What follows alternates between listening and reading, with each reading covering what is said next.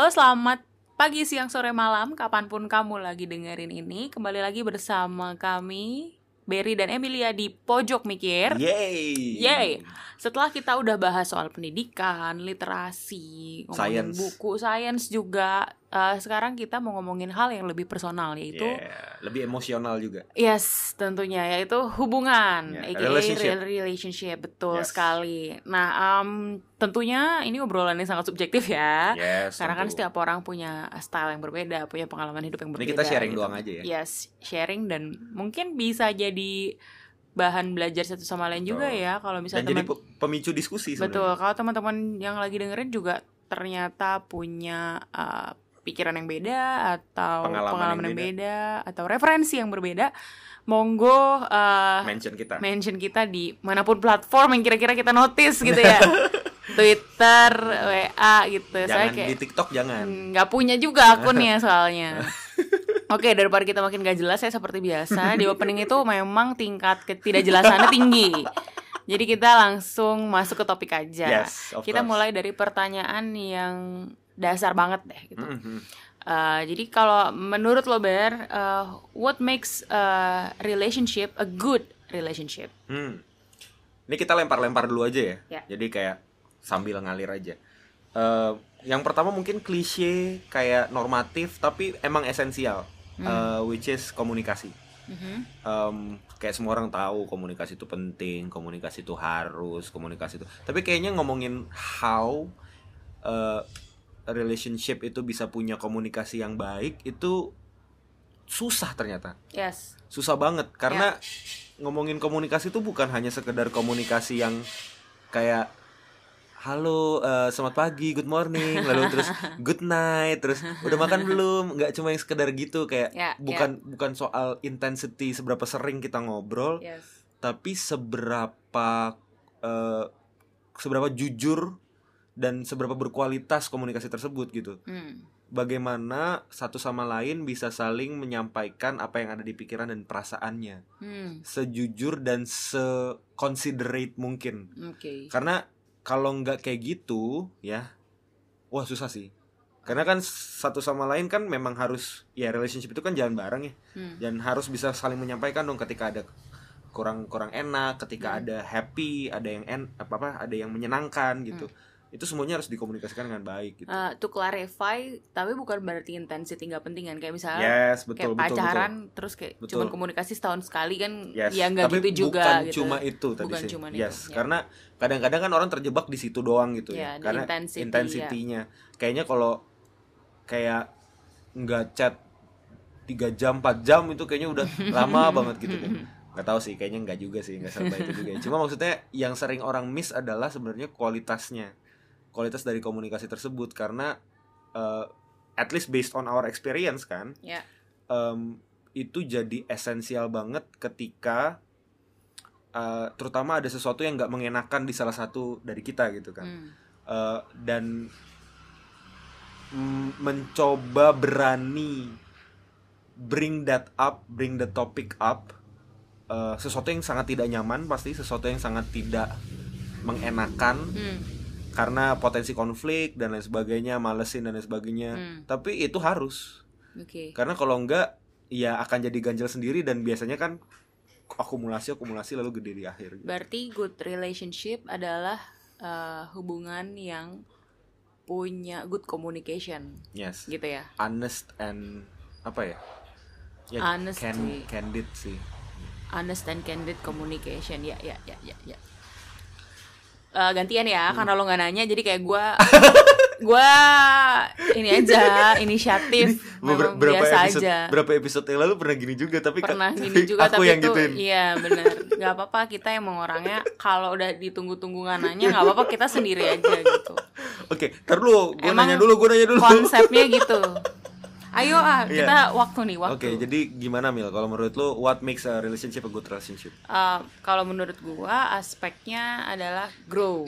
Hmm. Jadi uh, a good Growth, ya. a good relationship adalah uh, hubungan di mana kedua belah pihak bisa bertumbuh. Mhm. Jadi kalau justru ya uh, bertumbuhnya itu di berbagai macam aspek ya Hmm. bisa. uh, jadi menurut gua ketika ketika seseorang itu apa berpacaran punya hubungan gitu konsep apa si pasangan ini satu sama lain membantu konsep diri si Hmm, orang tersebut hmm, itu hmm, semakin baik jadi kayak gua gua I honestly don't believe at kekuranganku menutupi kekur eh apa kelebihanmu menutupi kekuranganku Hmm, hmm, hmm. kekuranganmu aku tutupi dengan kelebihanku Hmm, gitu hmm. gua nggak percaya itu Kenapa gitu. tuh?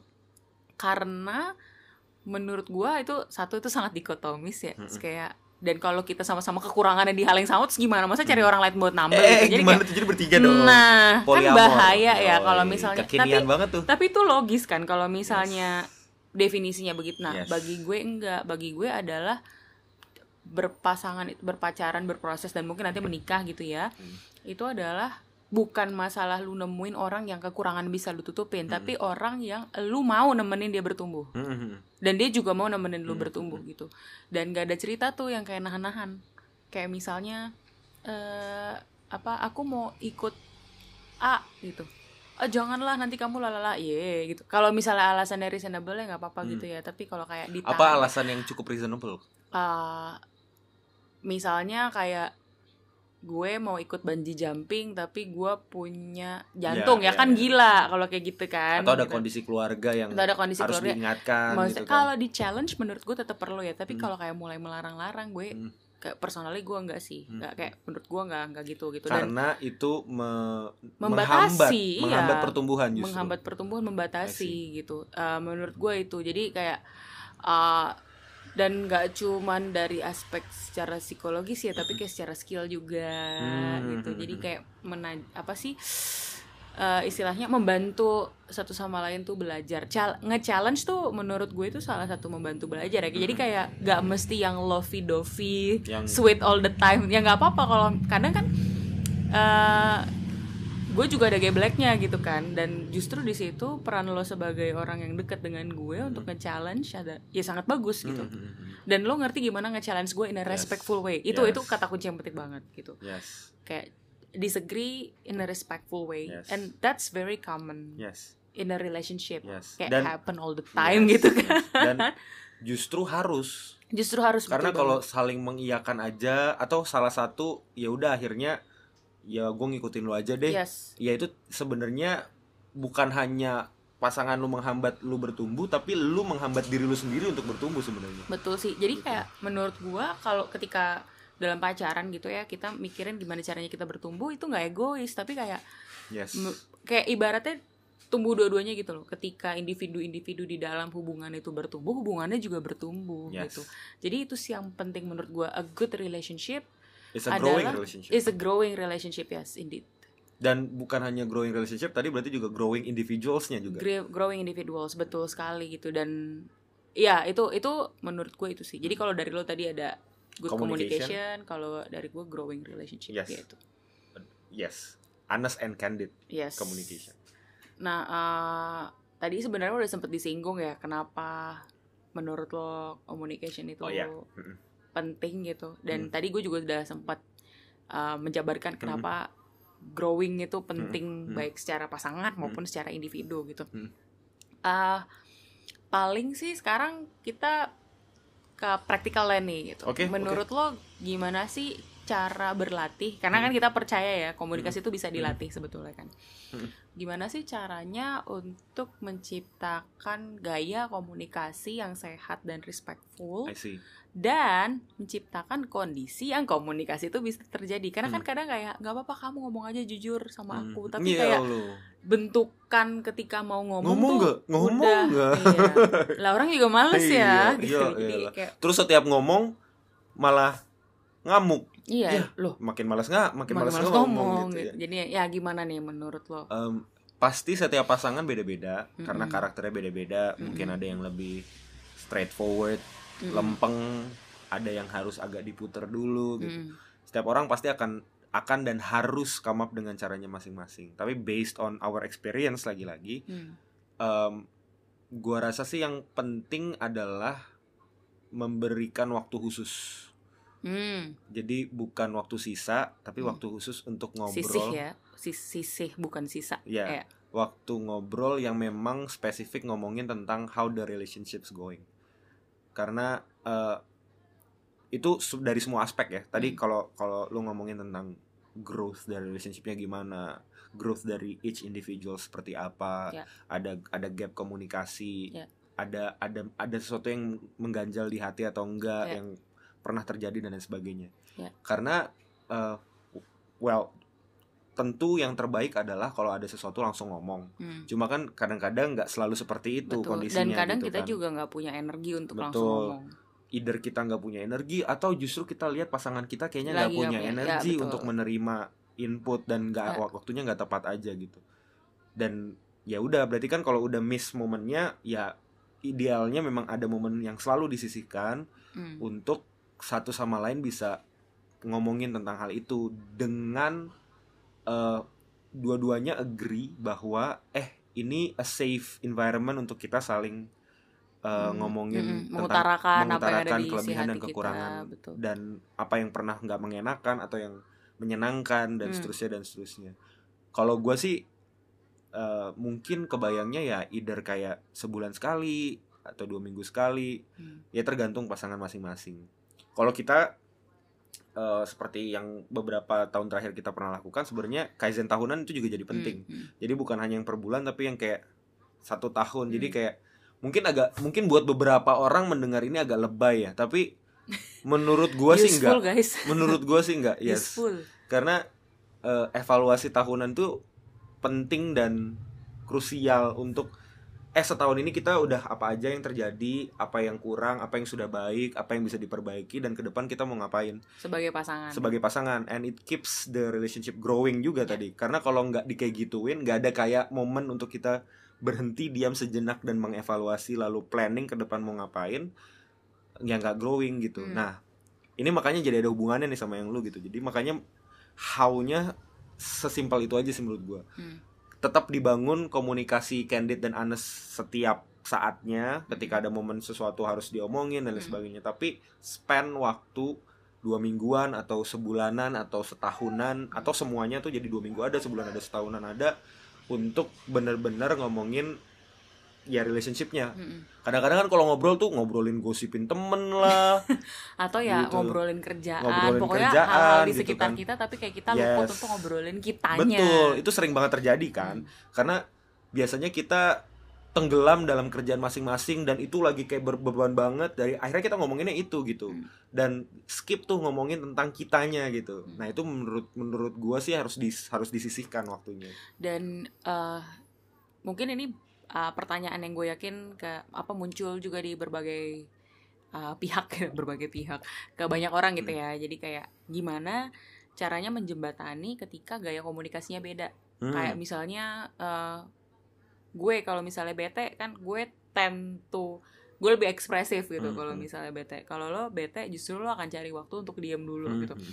itu mungkin bisa frustrating karena yang Hmm. satu cara penyampaiannya gimana yang satu cara penyampaiannya gimana gitu nah menurut gue di sini sih good communication juga harus dibarengi dengan eh, kita mau untuk belajar kenal sama pasangan kita yes karena kalau uh, apa namanya peng- pengetahuan tentang pasangan kita pengenalan tentang pasangan kita itu berguna untuk gue kalau ngomong sama dia gayanya harus gimana sih Ya. gitu. sama kayak kita ngerti gimana caranya ngomong sama orang A B C D E ya nggak beda ngomong sama pasangan kita juga Ya. Begitu gitu kita kita butuh butuh kenal kayak gue nggak mungkin maksain Berry untuk ayo ngomong sekarang gitu lah Hmm, hmm. kalau dia butuh waktu gimana Iya. dan gue juga dan Berry juga nggak bisa menahan gue kayak bilang bawel banget sih gitu Hmm. ketika misalnya gue mengekspresikan keke- kekesalan gue Hmm. gitu gitu jadi walaupun kayak itu kerap terjadi itu kerap terjadi yes ya tapi kan emang harus dievaluasi terus tadi that's the point of betul evaluasi dan, gitu. dan apa namanya itu juga salah satu eh, apa sih salah satu cara untuk kenal sih jadi Yes. kayak ketika apa kita lagi nggak bisa eh, adapt Hmm, hmm, hmm. kan kayak gitu kan adaptasi kan ya ketika apa kita lagi nggak bisa adapt apakah ketika dua-duanya lagi down Hmm. apakah ketika situasinya lagi apa gitu dan dengan mempelajari itu uh, kita bisa terus uh, explore dan Yes. bisa terus uh, belajar untuk building our own good relationship Yep. gitu. Dan sebenarnya nambahin lagi on top of that, um, that's exactly a point of a relationship sebenarnya. Bahwa kita tuh sebenarnya finding a, a sweet a sweet spot between me Hmm. dan my partner gitu kan. Eh gua punya kepentingan kegelisahan dan keresahan. Pasangan gua juga punya kepentingan keresahan dan kegelisahan.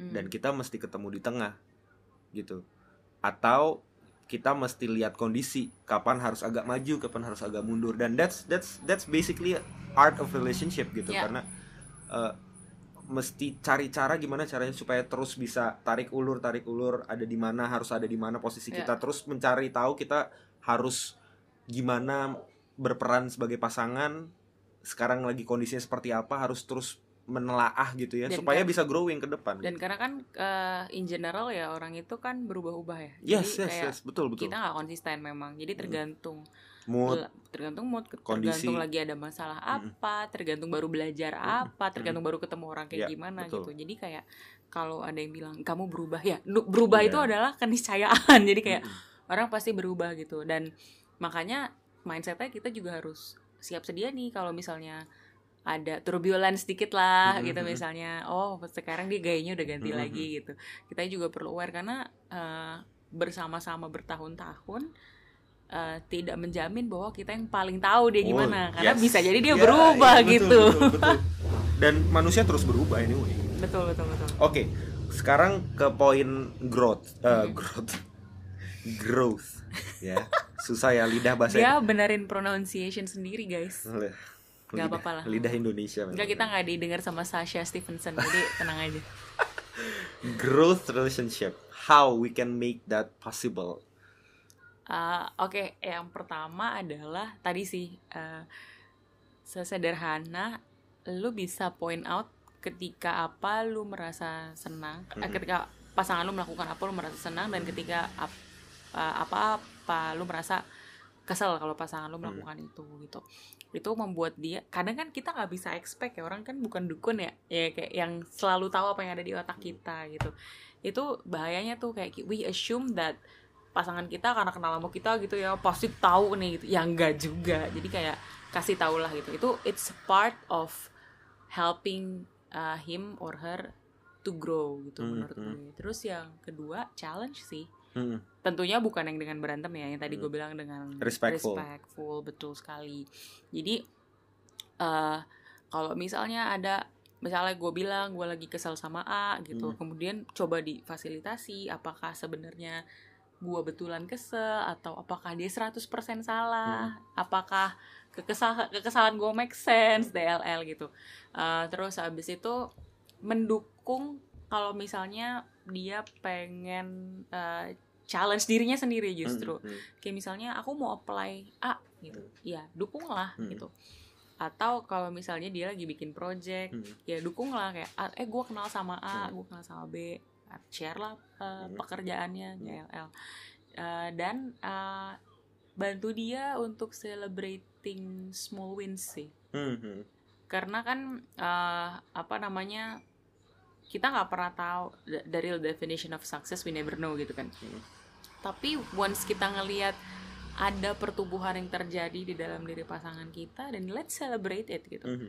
itu kayak jadi satu penyegar juga dalam Mm. dalam hubungan menurut gua terus kayak ditemenin belajar di Mm. encourage untuk belajar juga kalau salah nggak yang dihukum Mm. ngerti gak sih jadi Mm.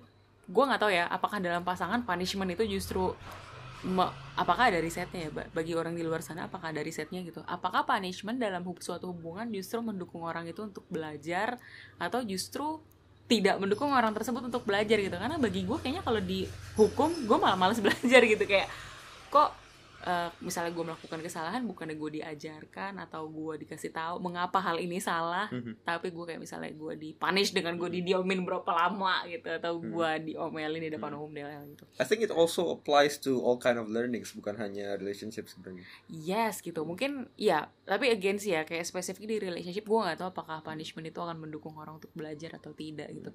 Tapi eh, gitu sih. Growing juga menurut gue membuka tempat bagi pasangan satu sama lain untuk salah. Mhm.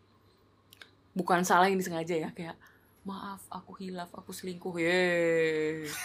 Kebanyakan nonton drama lu. Ya atau apa maaf aku kemarin kelepasan bla bla bla gitu. Ya ya gak gitu juga gitu. Itu itu akan bahas di topik lain mungkin mindfulness mungkin itu topik yang lain gitu tapi kayak bukan kesalahan yang semacam gitu ya tapi kayak mungkin kita salah interpretasi mungkin kita salah approach atau Ya, salah apa kesalahan ya. sebagai konsekuensi belajar iya sebenarnya. bener sih gitu dan mungkin kayak kalau misalnya salah makin inget ya nggak tahu ding Hmm. ya bisa jadi sih Nah, tapi satu pertanyaan yang pop up di kepala gue sekarang sebenarnya apakah tadi kan salah satu poin yang diulang-ulang adalah eh, bahwa mesti belajar bareng, mesti Iya. saling support bareng. Apakah pasangan harus punya interest yang sama? sangat tidak Hmm. jadi kayak eh, ini contohnya ya guys gua sama Berry dari bidang keilmuan aja udah beda banget dari interest di section koran lu bayangin section koran itu juga beda Hmm. apa yang di follow beda apa yang ditonton beda gitu jadi eh, menurut gua interest yang beda nggak serta merta menjadi batas lu nggak bisa belajar bareng gitu justru eh, itu memperkaya satu sama lain gitu. Hmm. Jadi contohnya waktu itu gue sama Berry nonton TEDx sama-sama, kita nyatet, terus di pas lagi istirahat kita share catatan kita, turns out pointersnya beda-beda banget Hmm. gitu. Tapi gue jadi belajar dan gue tanya loh, Ber kenapa nyatet bagian itu? Kenapa Hmm. itu menarik menurutmu? Hmm. Dan dia juga nanya gitu ke gue gitu. Hmm. Jadi eh, alih-alih jadi membatasi, Mhm. menurut gue itu justru memperkaya sih, Hmm. memperkaya suatu hubungan Mhm. gitu karena menurut gua nggak bak toh interestnya sama juga nggak akan 100% sama dan beda juga menurut gua nggak akan 100% beda ya Hmm. karena kalau 100% beda mungkin eh, entah ngobrol yang nggak nyambung atau ya gua nggak tahu gitu. Hmm. tapi eh, it's a mixture lah Let's talk about interest yang gak intersected. Jadi kayak em, sesuatu yang all, hanya satu pasangan, hanya satu dari kedua pasangan saja yang mengerjakan dan yang lain tidak mengerjakan. Means mereka nggak ke ada acara yang mereka nggak bareng, ada kegiatan yang mereka nggak bareng. Hmm. Eh, bagaimana peran yang satu bisa contribute ke growth yang lain, despite of dia nggak bukan hanya nggak ikut mungkin nggak tahu sama sekali nggak paham sama sekali dan kayak completely uninterested sebenarnya sama sama the topics yang dia kerjain gitu.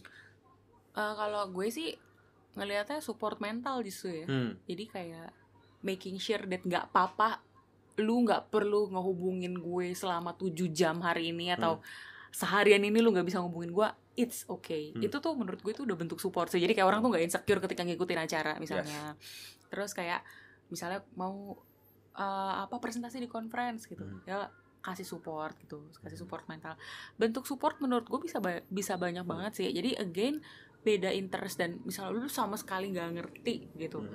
eh, itu topik ngomongin apa lu tetap bisa support dia dengan ngasih assurance eh, assurance eh, secara mental yang tadi gue sebutin gitu atau mungkin ya lo kenalin ke orang yang emang lo tahu punya interest di situ gitu.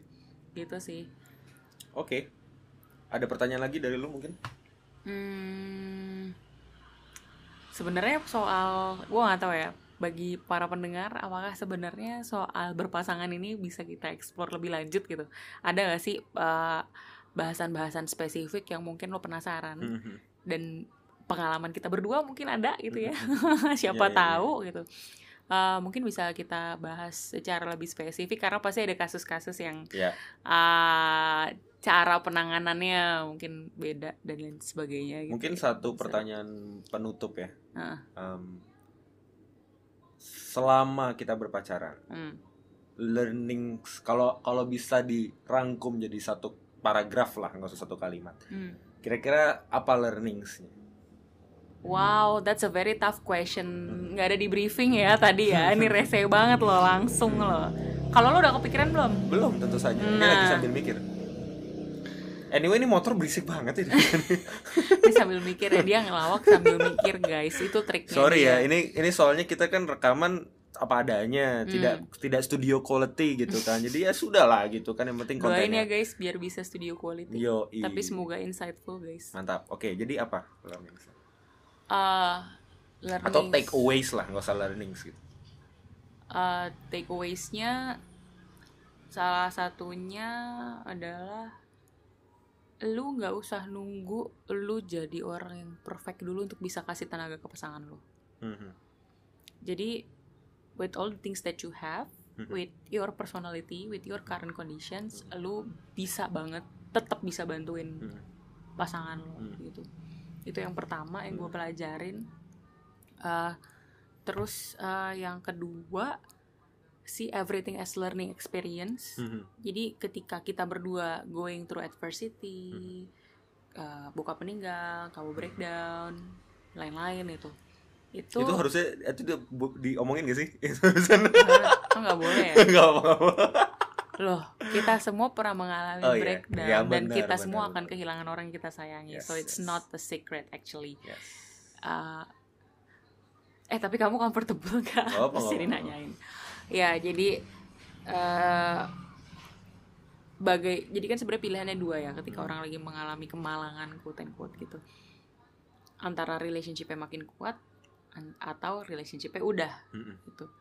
Nah eh, ketika kita punya lens see everything as learning experience mungkin ya gue tidak tahu 100% atau tidak gitu itu akan memperkuat hubungan sih Hmm. gitu jadi yang pertama lu nggak usah nunggu diri lu jadi perfect dulu Hmm. atau lu jadi lebih apa dulu untuk lu bisa ngebantuin pasangan lu Mhm. terus yang kedua see everything as learning experience and see that your partner is learning as well Hmm. jadi kayak lu belajar pasangan lu juga lagi belajar nih gitu Mhm. itu sangat membantu sih Hmm. dalam fostering dan uh, nourishing our relationship gitu. Oh sama circle tuh penting guys jadi kayak uh, menurut gua menurut gua ya jadi nggak tahu sih Hmm. kayak kamu ngerasa gimana uh, gue tuh ngerasa di gue dan Berry punya support system yang bagus. Mhm. dalam artian circle kami siap sedia ketika kami sudah tidak bisa menahan beban berdua bahkan. Betul. jadi eh, kami juga nggak sombong ya kayak bisa melakukan semua hal di dunia ini berdua gitu enggak jadi punya circle yang sehat mungkin case aja yang tapi nggak usah kayak detail kayak case waktu itu gimana sih? Maksudnya contoh Hmm, circle kuat tuh gimana? Contohnya mungkin pas bokap meninggal ya. Pas bokap meninggal itu kan eh, tentu saja saya tidak bisa berpikir bunda gitu. Kan gue nggak bisa mikir gitu. Ya dan gue fokus sama prosesi dan lain sebagainya gitu. Ah, dan gue jadi nggak punya tenaga untuk menjawab semua orang. Hmm. bahkan mungkin pertanyaan sesimpel bokap gue disemayamkan di mana? Gitu. Mungkin tapi mungkin itu penting buat teman-teman yang pengen datang untuk pay respect DLL gitu. Nah itu eh, apa namanya yang bantuin gak cuman Berry Hmm. tapi kayak teman-teman kantor bantuin gue, sahabat-sahabat bantuin gue, dan ketika Berry harus pergi ke mana, yang nemenin gue ada lagi yang lain gitu. Jadi ada orang yang kita sama-sama percaya, yang ketika kita lagi nggak bisa nemenin, dia yang nemenin kita Ya. gitu. Itu sih, itu itu penting banget sih gitu. Ya itu tiga itu. wow Kalau lo gimana? biasa. sudah diambil semua barusan sepertinya Nggak boleh. itu jawaban aman guys. Udah disebut semua. Gitu. Dan biasanya gue akan probing kalau samanya gimana. Oh gitu ya. Em, hah, Em, banyak sih ya sebenarnya takeaways-nya. Em, beberapa sudah kamu sebutin. Mungkin yang yang di, yang bisa yang bisa gue tambahin sebenarnya soal ini ini nih yang yang orang Hmm. sering ngomong nih. Lu gimana sih caranya tahu bahwa she's the one gitu. Atau he's the one gitu. Cie. ya kan? Kan banyak orang yang gitu kan. Ya, gimana ya, ya, caranya ya. lu tahu itu gitu? Em, Hmm, gua menarik nih. kalau gua sih nggak pernah mikir ya kayak whether she's the one he's the one gitu. Kayak kayak language the one itu nggak perlu nggak perlu kayak kesannya ya. She's the one tuh kayak ada formulanya gitu Hmm. kayak kalau ada orang yang memenuhi blablabla, she's the one gitu Ini klarifa- klarifikasi. The one ini maksudnya apa? Apakah the ya one? tahu kan orang-orang maksudnya Oh, kan definisi ya, orang kan definisi gitu masyarakat ya. kan she's the one gitu Wow, ya. Eh, ya tapi kalau kalau buat gue gue nggak pakai language the one karena kayak the one tuh ada certain certain Formula, formulas atau atau eh, sifat atau karakter yang harus dia miliki baru ketika ada orang yang masuk itu baru oh she's the one gitu. Hmm. nggak kayak gitu sih cara kerjanya. Kalau yang berdasarkan pengalaman gua gitu ya. Yang pengalaman gua adalah kayak ya udah kayak tadi bahwa ketika lu uh, berpacaran kok komunikasinya bisa terus uh, bisa resilient ya? Bahasa yang tadi yang sering kita pakai kan resilient ya. Jadi kayak bounce back dari setiap adversity yang kita bisa jalanin Hmm. komunikasinya bisa lancar lalu terus misalnya kok growing ya kok rasa rasanya circle kita masing-masing itu bisa saling support kita untuk grow gitu Hmm. untuk dan growth-nya itu bukan hanya sekedar personal tapi profesional Hmm. secara profesional secara skill juga grow skill secara grow, grow juga Hmm. network juga Grow, grow, betul, gitu kan betul, jadi betul. kayak em, ketika itu terjadi and you you really feel that kayak eh gini sih kalau gue kayak kok kayaknya bisa ngerjain banyak ya berdua ya? Kayak banyak Hmm. hal yang bisa dikerjain bareng nih gitu. Jadi secara natural akan disatukan oleh visi sebenarnya. Oleh sesuatu yang wah ini yang dari tadi belum kita sebut guys. Visi. Yes. asik. Bahwa ya visi itu nggak harus yang kayak mencapai Vision statement. iya kayak mencapai Indonesia yang sejahtera untuk seluruh pasangan Hmm. yang ada di Indonesia tidak seperti itu tapi kayak somehow visi itu kan kayak pandangan ke depan Ya. uh, world view-nya Ya. values-nya how you deal with problems how you communicate with people gitu-gitu kan itu somehow bisa klop sehingga lu begitu percaya bahwa kayaknya kita bisa ngerjain banyak hal dan bisa bisa eh, ya grow terus gitu Hmm. bahkan giving impact buat orang gitu tapi ya it's just something yang naturally Hmm. happening dan naturally you feel that aja gitu Em, nggak ada formulanya gitu Hmm. jadi nggak ada kayak oh ini dia ada ada lima kriteria nggak memenuhi kriteria kriteria kelima berarti belum Hmm. nggak kayak gitu sih menurut gua karena ya, ya, ya. Wah menarik. Mungkin Karena- kita bisa explore lebih lanjut soal ini guys, Yes, soal yes. kriteria. Oh iya kar ya at least buat gua ya Hmm. eh, ya menurut gue itu cukup cukup eh, deceiving kalau Hmm. kita punya kriteria itu cukup deceiving karena ya gimana lu bisa gimana caranya apa argumen lu gitu Hmm. kriteria lu itu tuh apa argumennya gitu Hmm. kayak selalu bisa dibalas dengan kayak oke berarti lu nggak mau misalnya pasangan lu grow dong di kalau misalnya dia nggak memenuhi itu gitu Hmm. terus atau oke berarti gimana kalau em, bukan hanya dia yang lu nggak mau pasangan lu grow tapi misalnya kenapa lima itu kenapa bukan yang keenam Hmm. kriteria keenam kenapa bukan kriteria yang ketujuh gitu Tapi emang karena subjektif gak sih? yes yes yes itu benar subjektif cuma kayak menurut gua at least pribadi Hmm. that's not a good way to see whether someone is the one for you or not gitu Hmm. karena ya itu terlalu formalistik aja gitu karena ya, ya, ya, ya. Mungkin bisa jadi misalnya kayak ada sesuatu terjadi yang somehow centang checklistnya gitu ya. Iya. Tapi checklist is just another itu kayak side side sideways aja Hmm. gitu. Hmm. Uh, you just feel it sebenarnya gitu. Ini klise juga sih, tapi kayak ya gitu you just feel it gitu ketika Hmm. ketika ada kesa ada banyak kesamaan dan lu merasa growing, lu merasa Hmm. komunik ya itu tadi resilient, bisa bounce back. Ya there is no reason for you uh, to not continuing uh, uh, the relationship even forward gitu, even further gitu. Oke. Nah, itu obrolan kita soal relationship. Mungkin nanti akan ada bahasan-bahasan lain yang terkait dengan hubungan Sure. dengan topik yang lebih spesifik. Karena kayak ini tuh orang tuh gampang relate-nya kalau ini. Mau dalam status apa pun Ya, ya. soalnya kan. Dan memang banyak banget eh, apa studi kasus studi kasus ya studi kasus yang bisa dibahas. Dan mungkin ada hasil-hasil riset juga yang bisa jadi bahan pembelajaran kita juga gitu. Eh, tentang pasangan-pasangan ini gitu Gue boleh nyampein satu fakta nggak penting nggak? apa Kayaknya study case tuh harusnya diterjemahkan jadi kasus studi, bukan studi kasus. oh, iya. Nggak itu kesalahan berbahasa yang bukan kesalahan sih itu feeling gue aja. Oh, oke Ya, itu nggak penting kan? Ah, ya nggak apa-apa sip aduh sakit tangan gue diremek oke Eh, thank you udah dengerin kalau bagi kalian yang sebenarnya mau stop 20 detik yang lalu terus memutuskan untuk mendengarkan terima kasih sekali. Nah sebenarnya udah detik-detik yang banyak hal tidak penting ya.